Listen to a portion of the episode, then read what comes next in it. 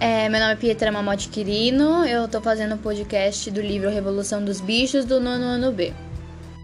Eu queria começar falando sobre os personagens de início, os personagens principais, assim, e um pouquinho sobre eles. Então, o Sr. Jones, que ele era o fazendeiro da granja, e inicialmente foi quem liderava os animais, não é? Eu, particularmente, achei ele cruel, assim. Fiquei com muita dó dos animais por deixar os animais com fome, passando, entre aspas, necessidade, assim. Então, não, não fui muito com a cara dele.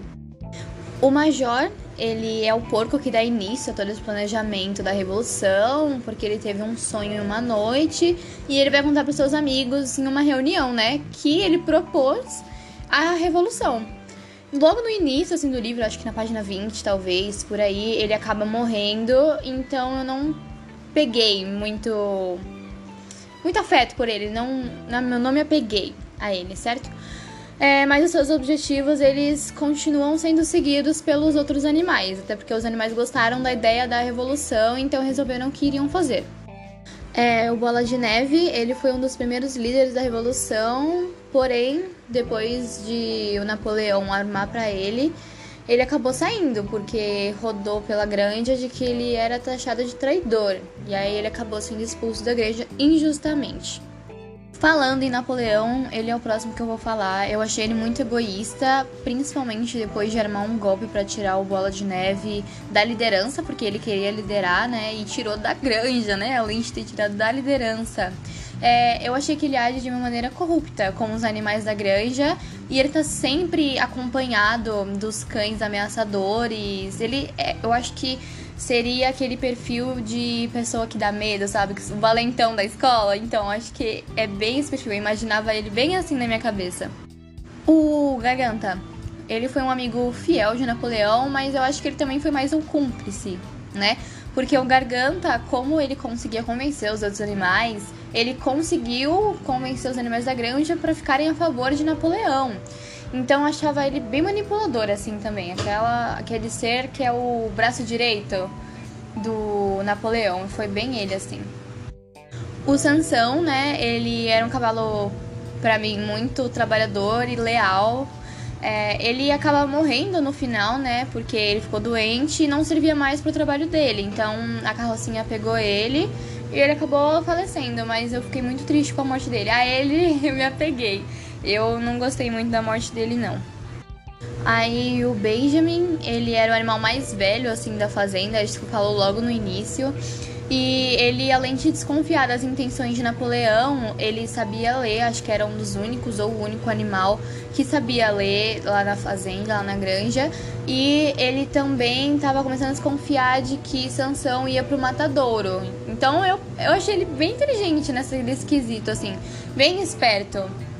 É, agora eu vou falar um pouquinho sobre o resumo, né, o livro em si da Revolução dos Bichos, que tudo começou com o Porco Major, que era quem liderava a granja. Ele abriu uma reunião porque disse que havia sonhado com a revolução, tudo, e ele resolveu falar sobre a revolução com os outros animais. Aí ele falou tudo que ele achava, de que ele não gostava mais de ser tratado como escravo dos humanos e os animais apenas foram escutando. Até que teve uma hora que ele morreu, como eu havia dito é, quando eu estava explicando sobre ele, ele morreu logo no início. E os animais, eles aceitaram a ideia de que, não, meu, a gente está sendo escravo dos humanos. Então, eles resolveram a, ah, colocar em prática a revolução. Então a primeira coisa que eles fizeram foi expulsar os. Jones da granja, porque eles não queriam mais ser tratados como escravos dos humanos, eles não queriam ser maltratados. Então, é, depois que expulsaram os porcos, começaram a liderar a granja, considerando os animais mais inteligentes, como se eles fossem superiores. Como diz uma frase do livro, alguns animais são mais animais do que outros.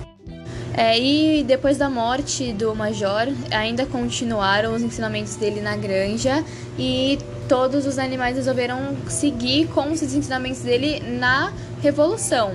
Dessa forma, os porcos aprenderam a ler e escrever e tornaram-se os líderes da granja, certo? O porco Bola de Neve, ele tinha um plano de construir um moinho, porém Napoleão era contra, ele não queria isso. E é, todos os outros animais queriam. Era o Napoleão era o único que não queria. O resto todos estavam a favor da ideia do Bola de Neve. Mas Napoleão ele acabou armando um plano certeiro que acabou retirando Bola de Neve da granja. Ele afirmou de que Bola de Neve era traidor e ele acabou sendo expulso. É, então Napoleão acaba assumindo a liderança da granja e do projeto e ele também é protegido pelos cães ameaçadores. É, ele constrói um moinho e que ele não era a favor, isso que me deixou estressada, brava, vamos dizer assim. E há uma economia de comida, os animais trabalham várias horas seguidas, ou seja, começa uma nova escravidão. E acabam que são explorados pelos porcos dessa vez, né, em vez dos humanos. Mas acontece que para construir o um moinho não tinham materiais de construção necessários que precisava. Então, Napoleão resolve conversar com os humanos, abrir um contato comercial com os humanos pelo seu advogado, o Sr. Viper. Acho que é assim que fala. Bom, é, nesse momento, os porcos eles acabam se mudando para Casa Grande, que era onde o Sr. Jones vivia que na realidade era proibido anteriormente, certo? Mas, segundo Napoleão, já que os porcos eram os mais inteligentes, eles faziam muito esforço para governar a granja, então eles deveriam descansar. Garganta, como eu havia dito, era o braço direito de Napoleão e andava pela granja inteira defendendo o seu mestre, entre aspas, não é? Por isso que eu disse que ele era cúmplice. Acho que Napoleão usava ele. Porém, depois de um tempinho, acontece uma tempestade e o moinho de vento é derrubado. Eles jogam toda a culpa sobre o bola de neve e os animais passam a ter menos comida. Mesmo assim, Napoleão passa para os humanos de que eles têm comida, de que não tá faltando nada, que tem muita comida. E assim se surge a República dos Bichos. Mas alguns animais começaram a suspeitar e a questionar de que a vida estava pior do que era antes, na época do Sr. Jones, né?